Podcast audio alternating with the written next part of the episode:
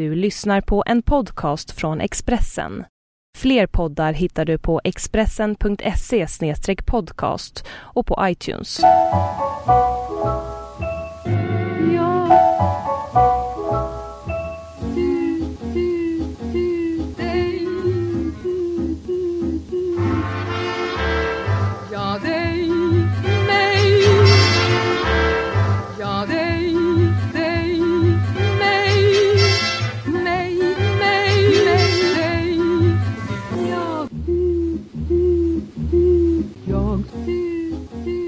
Ligga med Brodrej. Hej Ylva Mårtens! Hej! Välkommen till, till den här sängen. Tack så jättemycket. Det här är alltså en eh, podcast där eh, jag intervjuar eh, intressanta personer i horisontal, horisontalläge. Vi ligger här på en bred dubbelsäng på hotell Skeppsholmen i Stockholm och tittar i taket. Mm. Du Ylva Mårtens, du har varit radiojournalist i, är det över 40 år Ja. nu? Ja, det är, det är en respektingivande Jag började 72. 72. Eller mina första program gjorde jag faktiskt 1969. Men då var jag ju eh, tonåring fortfarande. Eller 1920 var jag då. Och det som du har gjort de senaste åren är Barnen som går i P1 och som har funnits sedan 14 år tillbaka. Du är Mm. redaktör. Sen. Ja. Ja, Jag är inte redaktör längre. Nej. Utan jag är senior reporter. Nej, det finns inte. Utan jag är um, reporter och producent. Jag är inte ansvarig för helheten längre. Det var jag fram till och med att barnen fyllde tio tror jag. Eller någonting sånt där. ja. Sen har du släppt det barnet lite sådär. Hur känns det? Nej, det var ganska jobbigt faktiskt. Nu känns det ganska bra. Men eh, det var ju verkligen min bebis. Vi ska säga vad det är för typ av program för den som har missat. Eh, vad skulle vi säga? Det är det barnperspektivet i främsta rummet och det kan handla om egentligen Vad som vad som helst. Precis vad som helst. Många, många väldigt gripande historier men jag vet inte varför det har känts så många gånger. För det är för det mesta har det varit osentimentalt. Ja, men det är ju bra i så fall. Alltså min tanke med barnen var ju, och är med de program jag gör själv, det är att eh, eh, barn ska komma till tals. Alltså barnens röster ska stå i fokus. Sen kan det vara vuxna som har barndomsminnen och berätta. Men det är liksom barnens röst. Det, det är inte den vuxna som kommenterar sin egen barndom utan det är berättelsen, barnets berättelse, som ska vara i fokus. Vi, vi skriver i vår programdeklaration Ja. att det ska vara vi bygger på barnens röster, barnforskningen och vuxna röster om barndomen. Det är de tre ingredienserna. Och då menar jag att det barn som lever idag, de ska vara i majoritet. Mm. Kom det här programmet ut ur en frustration över att eh, någon slags missförhållande? Ja, det kan man väl säga. Jag var väldigt trött på att eh, när man pratade, jag jobbade också med ett program som heter Familjeliv som var kul att jobba med. Men det var ganska mycket sådär att om man skulle prata om barn så skulle det vara experter som skulle tala om för vuxna hur de skulle göra. Jag tyckte redan då, det är jättelänge sedan, att mina bästa reportage det var med barn. För att, jag vet inte vad det var, jag är väl barnslig. Att jag kom dem nära och de kunde berätta saker. Och, så jag tyckte, och, och också hade jag upptäckt med mina egna barn, två uh, flickor som numera är vuxna, att den bästa medicinen om det var någon kris någon gång, det var ju att lyssna på dem. Och då tänkte jag, nu gör jag det i radio. Vuxna får lyssna på barn. Hur blev du bemött i början? När du kom med den här idén? Det var lite blandat, men min redaktionschef Bengt Lindroth trodde stenhårt på mig. Han var chef för samhällsredaktionen eller vad eh, Ja, hade just han det. för roll? Ja, Mm. ja. trodde att det här var vad radion behövde. Så att han kämpade för mig, eller vårt program. Jag startade tillsammans med Johan Torstensson som var programledare i början. Mm. Jag vet att det fanns de som inte alls tyckte att det skulle vara så här utan de ville ha ett program där föräldrar fick råd om hur, hur i helvete gör man för att liksom kunna leva vuxenliv och samtidigt ha barn. Mm. Men det var inte alls min idé. Utan? Nej, men alltså jag tycker ju att samhället är ganska barnfientligt. Och att vuxna faktiskt inte fattar så där jättemycket. Många vuxna inte fattar. Jag läste till exempel, läste du den intervjun med Lukas Moodysson häromdagen i DN? Han, han förstår ju det där, tycker jag. Alltså hur vuxna ständigt sviker barn. Alltså vi förstår inte. Mm. Men tycker du att det där har förändrats? Alltså från när du började har barnfientligheten blivit värre? Nej, det vill jag inte säga. Absolut inte. Utan jag tycker nog att det finns fler och fler som förstår. Men vad är det vi inte förstår nu då? Nej, men alltså vi lever i ett samhälle som är så enormt... Eh, eh, dels har vi en gammal patriarkal struktur och historia och liksom pappa och mamma vet bäst och barn förstår inte så mycket. Alltså den, det förhållningssättet. Sen har vi en arbetssituation, alltså en, Folk jobbar ju så himla mycket och tror att man måste göra det och tjäna så extremt mycket pengar. Jag tror att det är det går ut över barnen. Jag tänkte på jag såg Ebba Witt-Brattström igår på, på Min sanning. Hon är ju en strålande feminist. Hon pratar inte om liksom barn någon gång. I alla fall inte som jag hörde. Alltså, kvinnans frigörelse har ju också med barnen att göra. Jag tycker den är helt liksom... Barnen är åsidosatta. Hur tänker du då? Om att kvinnans frigörelse har med Nej, men alltså det är många feminister som har sagt nu i efterskott att vi missade barnen när vi bara kämpade för oss själva. Visserligen man kämpade för dagisplats, det var ju bra. Men man kämpade... Alltså vi måste ju också...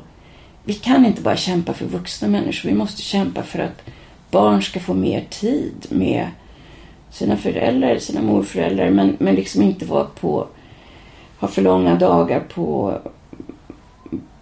skola, daghem, eh, ja, och så vidare. Utan att, jag menar de här åren när man är förälder och, och har barn. Och då menar jag barn upp till 13 i varje fall. Det tycker jag är barnen. Sen är de tonåringar. Men det är ju så himla kul. Det är ju så roligt. Och det här radioprogrammet som kanske några andra chefer ville ha.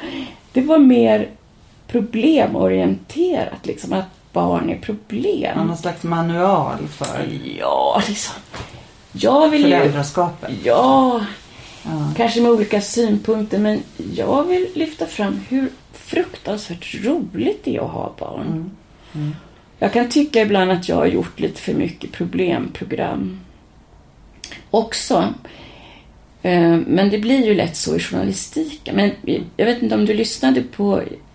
Jag har ju nu gjort två program om en pojke som heter Jonathan. Jo. Och han... Eh, han Gömd, gö, gömd. gömd flyktingpojke. Mm. Han har varit gömd i fyra år eller? Ja, precis. Ja. Det för, förra gick förra fredagen och det andra går i övermorgon. Och det är ju inget märkvärdigt program, men vad som är märkvärdigt tycker jag, eller som jag tycker är bra, det är att han är så nyanserad. Mm. Han säger till exempel att på Migrationsverket så var den här kvinnan som han träffade snäll. Hon var jättevänlig och trevlig.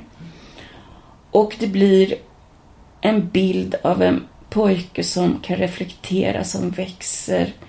Visserligen kanske lite för snabbt för att vara gömd. Det är ju ett fruktansvärt öde, eller om man ska säga, en pojke mellan 13 och 16 år som inte får vara fri. Liksom. Men det vill jag bidra med, att skapa bild, nyanserade bilder av, av människor och i det här fallet då ofta barn. Och att låta dem komma till tals själva. Ja, Ta fram det bästa ur dem, så ja, att säga. ja. precis. Har du någon metod för det där? Alltså, nu är det väldigt instrumentellt, men liksom, hur får du, eh, förutom att du är en, en eh, bra person, hur får du dem att öppna sig i allmänhet? Om man...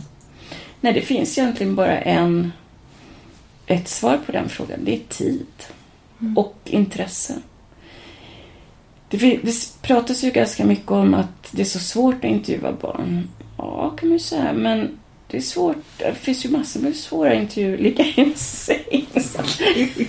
Ja, Det är svårt. det är egentligen Men jag menar, jätteläskigt egentligen det här att sitta och ligga och intervjua en person som är så duktig på att intervjua som du. Nu blir jag plötsligt påmind.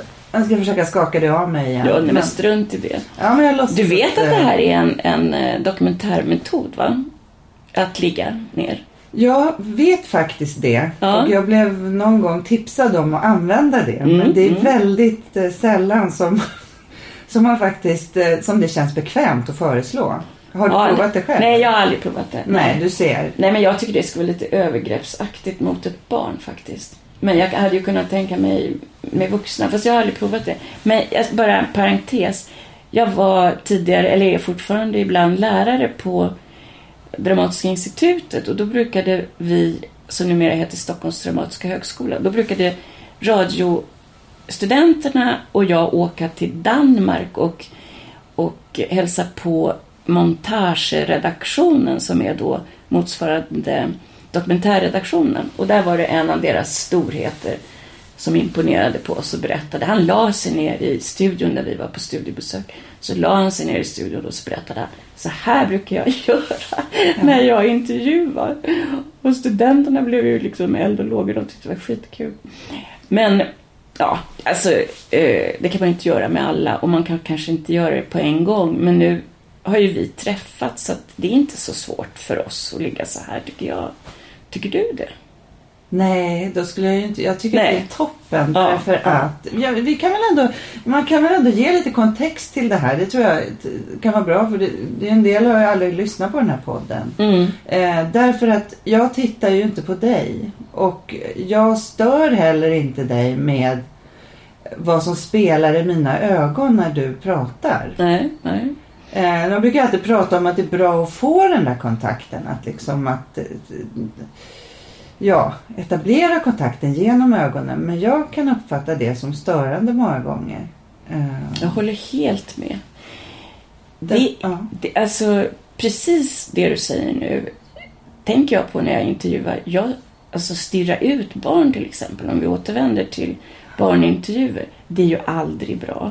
Då blir ju de jättenervösa. De måste få ett eget space. Att jag brukar sitta bredvid, inte mitt emot när jag intervjuar. Och det gör ju att man får ett eget space, precis som vi har nu. Och det var därför jag tror jag kom på det här med Danmark. Att, du vet, att inte du sitter och stirrar på mig. Mm. Och det har jag praktiserat jättemånga gånger. Men precis som du säger, så när jag undervisade om intervjuteknik eller intervju, intervjuandet Mm. tidigare så sa jag Åh, det är så viktigt med ögonkontakt. Nej, Nej. det är det inte alls. Ja, ibland, liksom, lite då och då. Men, men det här att... Det här blir ju... Det här är ju lite psykoanalysgrejen. Ja, Mm. jag lyssnar bättre om jag inte sitter och funderar heller på vad du har för typ av glasögon. Eller, tror jag faktiskt. Ja, men det tror jag absolut. absolut. Jag hoppas det i alla fall. Ja. Mm. Mm, Men, så eh, att tid skulle jag vilja säga. Tid handlar ja, men, men okej. Ska vi prata lite krass verklighet också? Det, då, bilden av dokumentärredaktionen är då, eh, om man ska vara lite fördomsfull, att det är personer som har fast anställning och eh, myriader av timmar. Nej, men snälla rara. Det finns ju inga anställda där längre. Precis idag, lustigt nog, så går det också en, en, eh, så går Susanne Björkman, som är den enda anställda producenten på dokumentärredaktionen, i pension. Hon har haft gott om tid på sig och det har ju också gjort att hon har gjort fruktansvärt bra program. Men eh, resten av eh, producenterna på dokumentärredaktionen har ju, är ju frilansare. Och på barnen är vi ju inga eh, vi tillhör inte dokumentärredaktionen, vi tillhör samhällsredaktionen och där är det där ska man göra ett program på två veckor. Och det går inte ibland när det gäller... Jag menar, Jonathan har jag följt i tre år. Det är Det är låg veckor. på barnen helt enkelt. Ja, precis. Men eh, jag menar, vissa program kan man göra på två veckor, men inte alla. Men det tar längre tid att göra program med barn. Inte om barn, men grejen är att barnen är ju med barn. Det är det som är så att säga konceptet. Mm. Mm. Och det tar längre tid. Det, är liksom, man kan aldrig, det går inte att runda. Nej. Allting som har med barn tar längre tid. Läkarbesök, det säger alla barnläkare, tar längre tid. Undervisning, ja du vet. Mm. Rubbet. Mm. Du har ju gjort, eh, nu nämnde du det här senaste projektet med, med Jonathan som ska bli väldigt spännande att följa. Eh, jag vet inte om det finns ett slut i det Nej. sista avsnittet. Nej. Nej, vi får se. De väntar på uppehållstillstånd och eh, det är ju eh, de, alltså hans klasskamrater har ju tagit initiativ till en namninsamling. Mm. Och det är väldigt rörande hur, eller rörande, men det är häftigt hur de uttrycker sig. Det är en slags basic solidaritet. De säger så här till mig, jag åker dit och intervjuar, så säger de så här. Ja men, kan inte, man kan inte utvisa honom, han hör hemma här. Punkt slut. Mm. Alltså det är så bra tycker jag. Mm. Men eh, du har även gjort, eh, alltså så när man ska tänka tillbaka på vad, vad jag minns, jag ju, vad jag burit med mig, det är ju de här, eh, nu har de några år på nacken, barnhemsprogrammen. Mm. Både om svenska barnhemsbarn och eh, kinesiska. Mm. Eh, har du funderat på varför eh, du tog upp den där tematiken? Alltså ja, det är jätteenkelt. Jag blev bortskickad själv när jag var liten. Fast till någonting som heter barnpensionat. Dit barn från övre medelklass och överklass skickades när deras föräldrar ville åka på semester. Eller hade något annat viktigt för sig. Eller när de fick småsyskon. Det drabbade inte mig, men mamma och pappa skulle åka till Schweiz och åka skidor. Och då skickade de mig på barnpensionat. Hur länge då? Nej, det var bara en vecka. Ja. Men i och med att jag bara var tre år så har ju barn ingen, inget begrepp om tid. Så att jag visste ju inte att de skulle komma och hämta mig utan jag trodde att de... Nej, alltså att jag var lämnad där för gott. För att på det här barnpensionatet så fanns det barn som bodde där för gott. Så att säga. Det var en slags kombinerat barnhem och så hade de barnpensionatsplatser.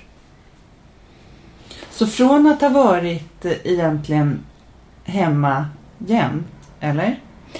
Eh, nej, Har- alltså hade, jag... Var du på någon typ, någon typ av eh, barn, hade du någon barnflicka? Eller Ja, vi hade eller- barnsköterskor och Ja. vi hade alla möjliga saker. Man Ja. hade ju det Ja, i överklassfamiljer tidigare. ja.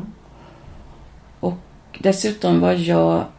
Jag hade väldigt mycket eksem när jag var liten. Så att när jag var pytteliten, jag var bara några månader, så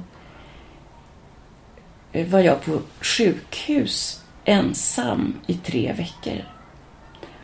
Och det tror jag att det, det minnet fanns ju i min kropp på något vis när jag blev bortskickad till, till barnpensionat. ja. Så att det där med separationer och barnhemsbarn och... Ja, det är en del av eh, mig. Mm. Eh, och granne med mig på, eller med, där vi bodde på Lidingö fanns det ett barnhem. Så, och där spelade min kompis och jag, vi spelade Ja, vad spelade vi? Näsa tror jag hette det där spelet. Mm. Och så var det liksom ett staket med till barnhemmet och så en stor gul villa bakom staketet. Och där stack de här barnhemsbarnen ut näsan och tittade på Eva-Lotta och mig när vi spelade näsa. Vi var ju fria medan de var i ett fängelse. Mm.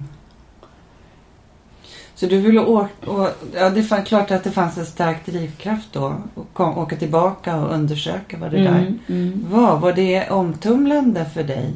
Kom du i kontakt med den där lilla treåriga Ja. Ylva?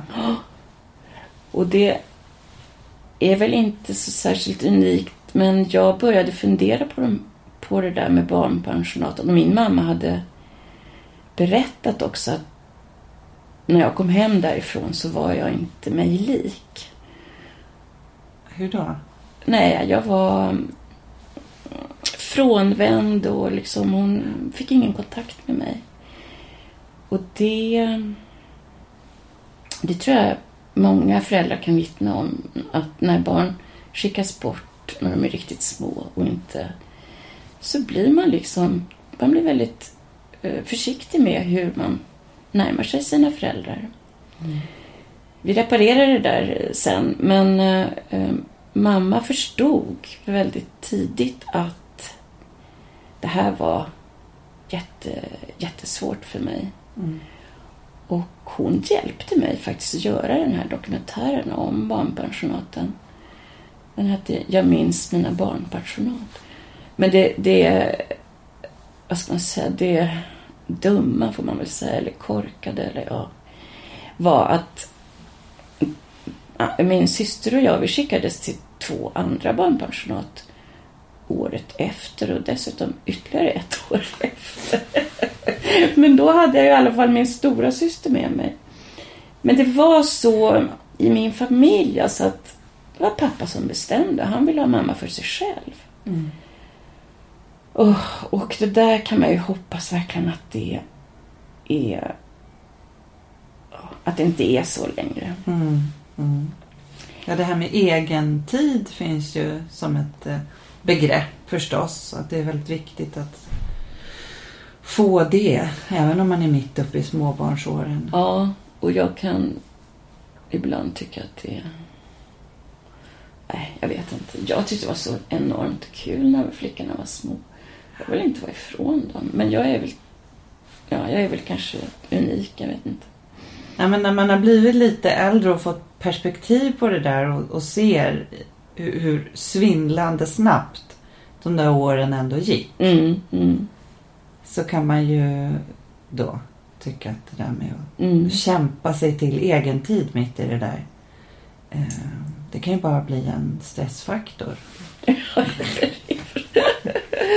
Ja. Ja.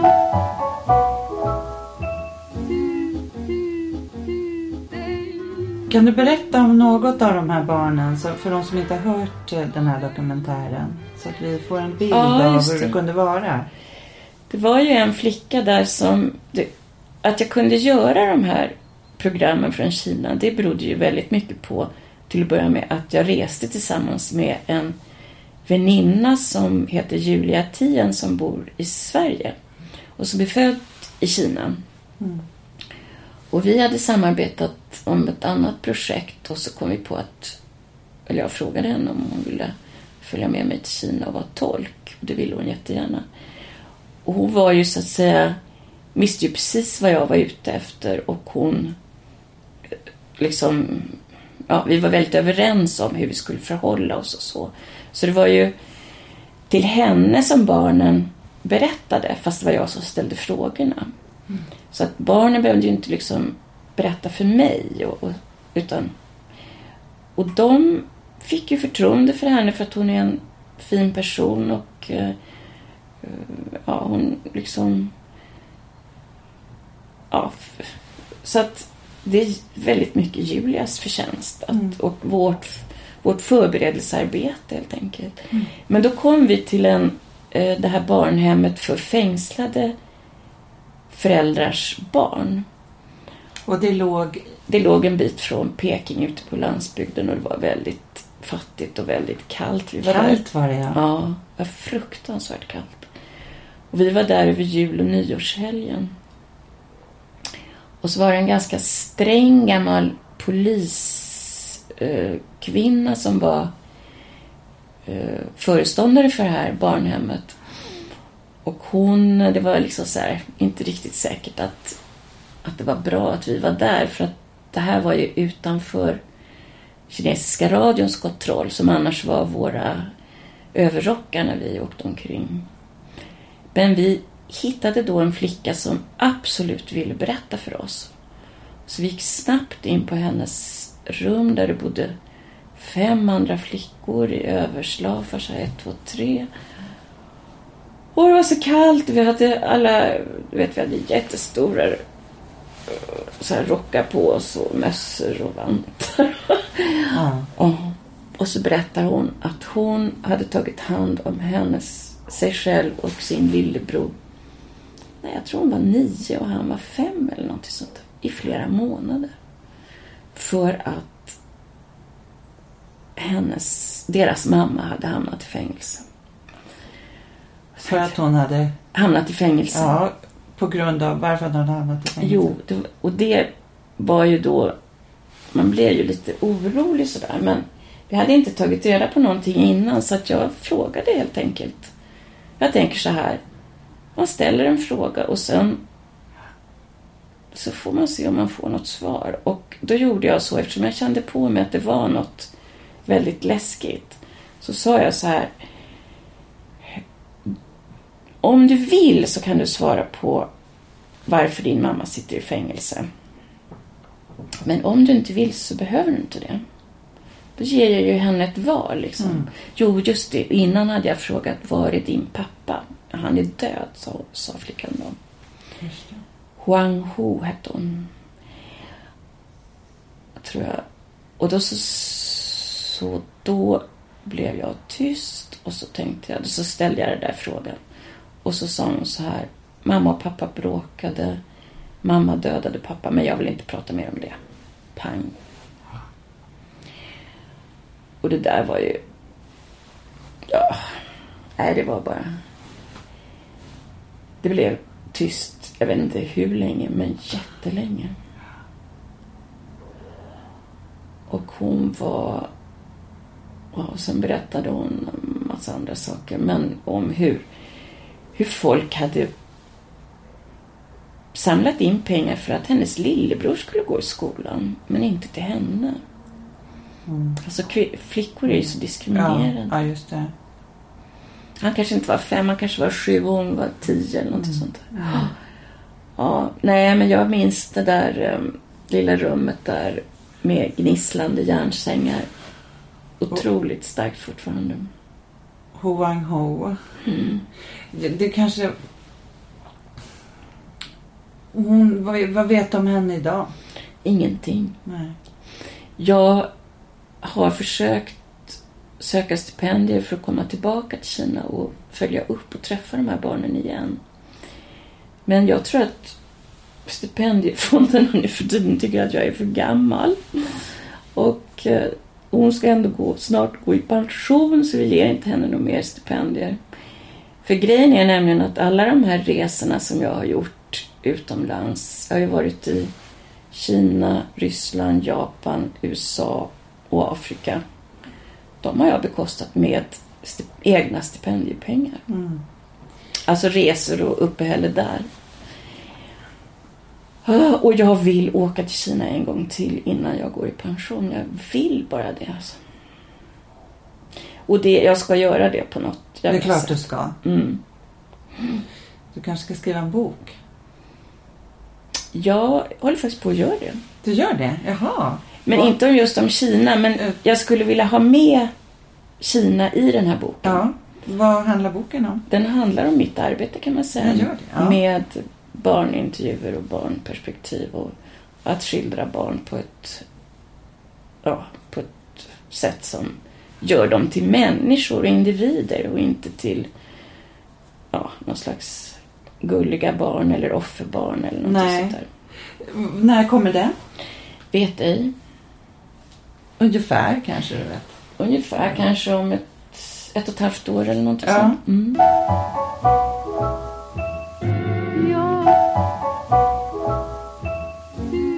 Jag, jag gjorde för min bok gjorde jag en liten undersökning. Jag räknade minuter eh, i Sveriges Radios två flaggskepp, nämligen Studio 1 och P4 Extra.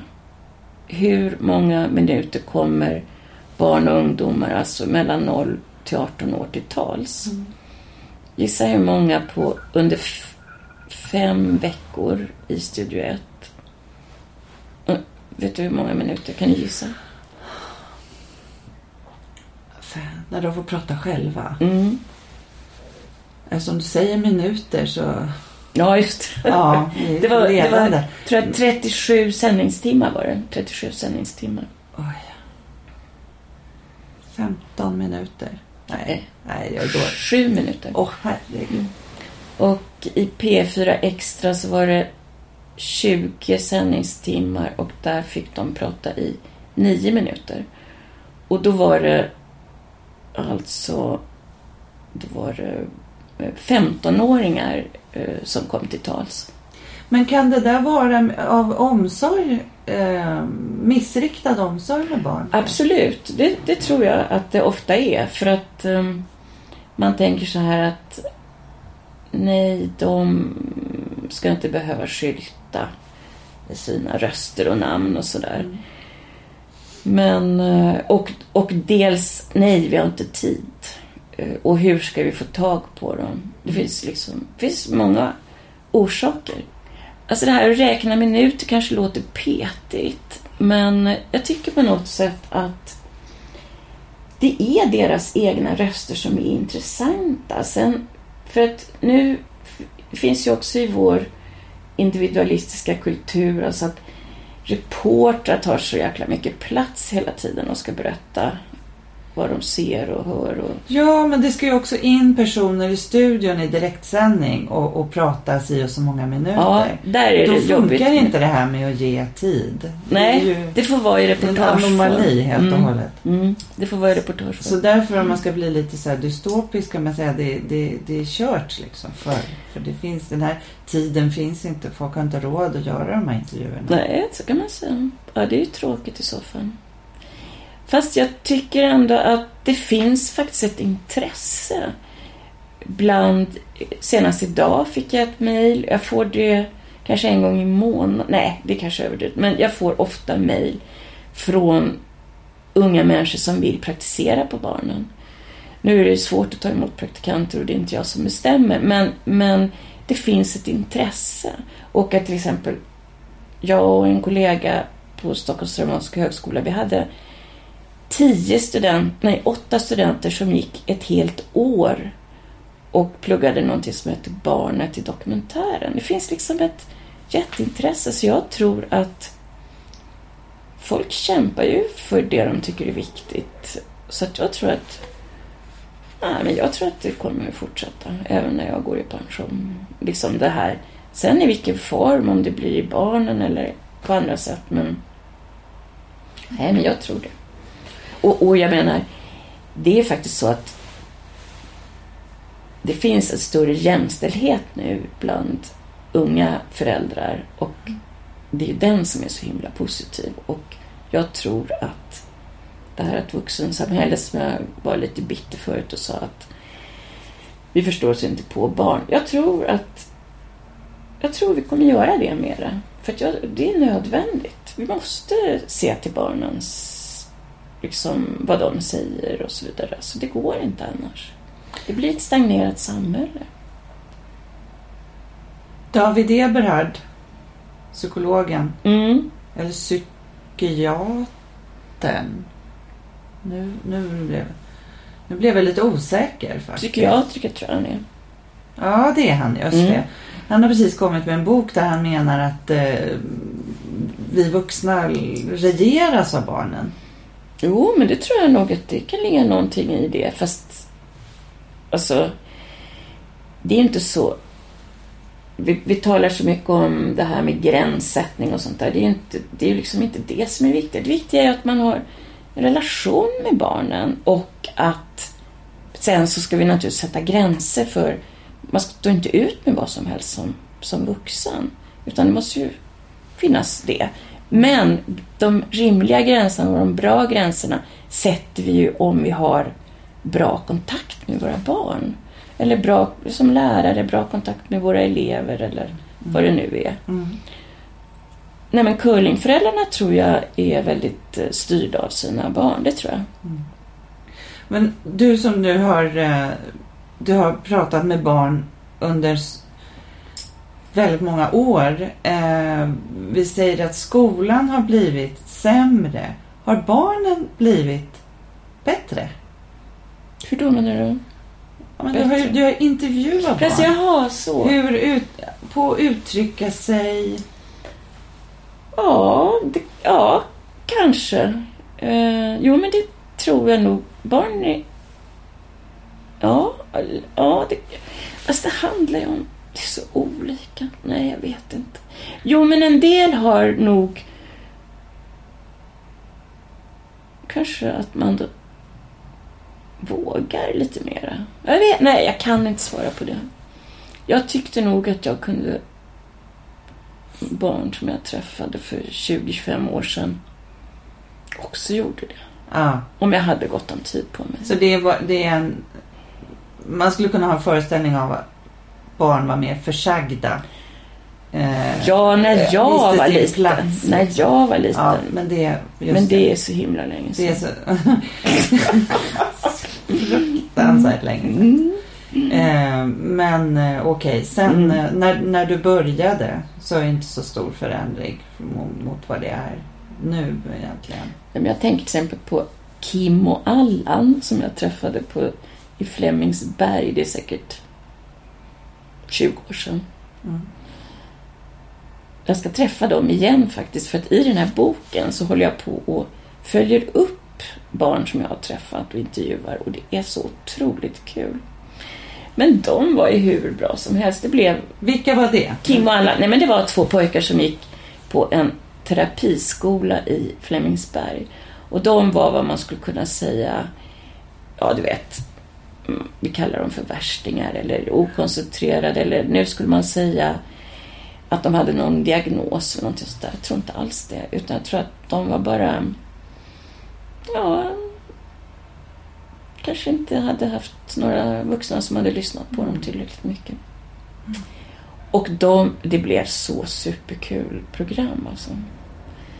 Och det, jag minns dem som hur verbala som helst. Men det tog tid att göra de programmen. Det gjorde det. Jag träffade dem massor med gånger. Ja. Och nu har du träffat dem igen? Nej, jag har inte det, men jag har spårat dem. Så jag ska. Jag, jag börjar... Det, jag befinner mig lite i en mellanperiod nu för att jag avslutar mitt jobb på radion nu om några dagar. Och då har jag avslutat det här Jonathan-projektet. Sen har jag ju också gjort, jag vet inte om du har hört det, Barnens romanpris. Vilket jag tycker är en superkul produktion. Det är fem barn diskuterar fem böcker och sen utser de en vinnare. Och vinnaren utses den 30 oktober. Och det här att prata med en grupp barn i en studio, vi sitter där med hörlurar och varsin mikrofon, om en gemensam upplevelse, nämligen att läsa böcker.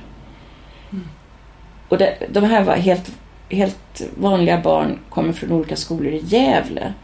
Den enda skillnaden kanske från många barn är att de har haft en superbra litteraturundervisning. Och de kan reflektera över litteratur. Och det har varit så enormt kul alltså. Och nu ska jag tillbaks till skolan för att skriva och undervisa lite mer sådana här barn, barnintervjukurser och lite sånt där. Mm. Så att jag befinner mig liksom i någon slags mellanläge. Och ehm, varför säger jag detta? Du pratade om Kim och Allan. Just det, och nu ska jag, ehm, nu ska jag träffa dem. Jag ska kontakta dem igen. Och- De vet inte om det Jo, ännu. jo, jo, de vet Ja. att jag är på, på G liksom. Hur gamla är de nu då? Ja, vad kan de vara? De är säkert 30. Ja. Det är jätteroligt. Och jag har intervjuat eh, flera av de här eh, barnen som, eh, som var med i mina första HVB-program. Mm. Eh, Sonja har jag intervjuat. Sen har jag intervjuat familjer som jag gjorde Skamvrå-programmet. Och jag har intervjuat barnen som, eh, som eh, vars mamma dog i cancer. har jag intervjuat. Och det är verkligen inte bara sådär ja, det var så kul och du var så himla bra och sådär utan det är också att jag får väldigt bra perspektiv på vad jag har gjort. Eh, vissa säger nej, vi vill egentligen inte alls vara med, men det var pappa som ville att vi skulle vara med. Alltså man får, man gör program med barn så är det ganska viktigt att ta reda på, är det föräldrarna som vill att de ska vara med i radio eller är det de själva? Alltså det kan ju finnas föräldrar som har en agenda helt enkelt. Ja. Det där är, har varit otroligt lärorikt. Så det ska jag göra nu när, eh, ett par månader och det ska bli jättekul. Komma tillbaka till skrivandet och till liksom där jag får reflektera. För när, man, när jag är på radio så ja, det är väldigt mycket pro, produktion bara så här. Har du fått några svar liksom, som handlar om dig själv under de här åren? Hur då menar du? Jag tänker att man hela tiden i sitt yrke, när man åker runt och frågar människor, så letar man också efter svar på frågor Sig själv. ja. Mm. Jo. Nej, men jag tror att... eh, jag, jag tror att jag mm, frågar liksom som den lilla Ylva. Som, som blev ganska... Ja, dels blev jag bortskickad och jag blev också kallades för lillgammal när jag var liten för att jag tog ganska mycket ansvar i en familj som var ganska... Ja, vad ska jag säga? Ja, man kan väl säga dysfunktionell.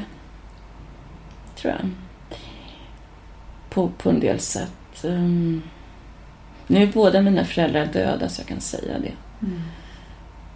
Min mamma dog ganska nyligen och eh, jag är föräldralös nu. Liksom. Jag befinner mig ja, någonstans där. Jag ska bli mormor. Jag är- har förlorat min mamma. Jag är...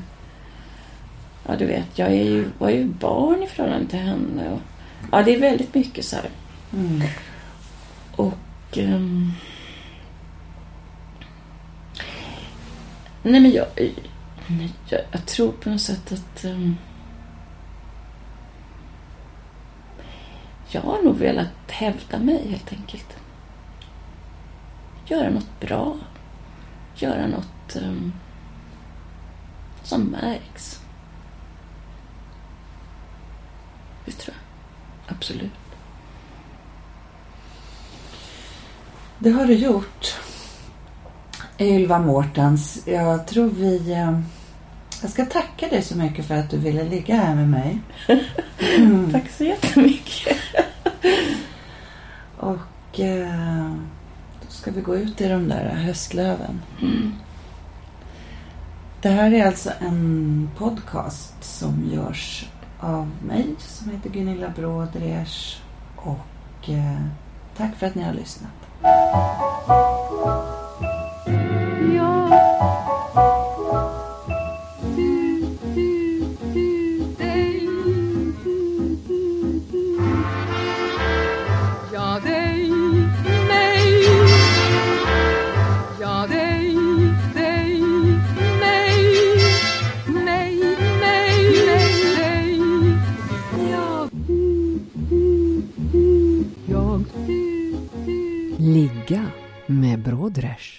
Du har lyssnat på en podcast från Expressen.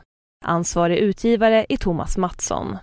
Fler poddar hittar du på expressen.se podcast och på iTunes.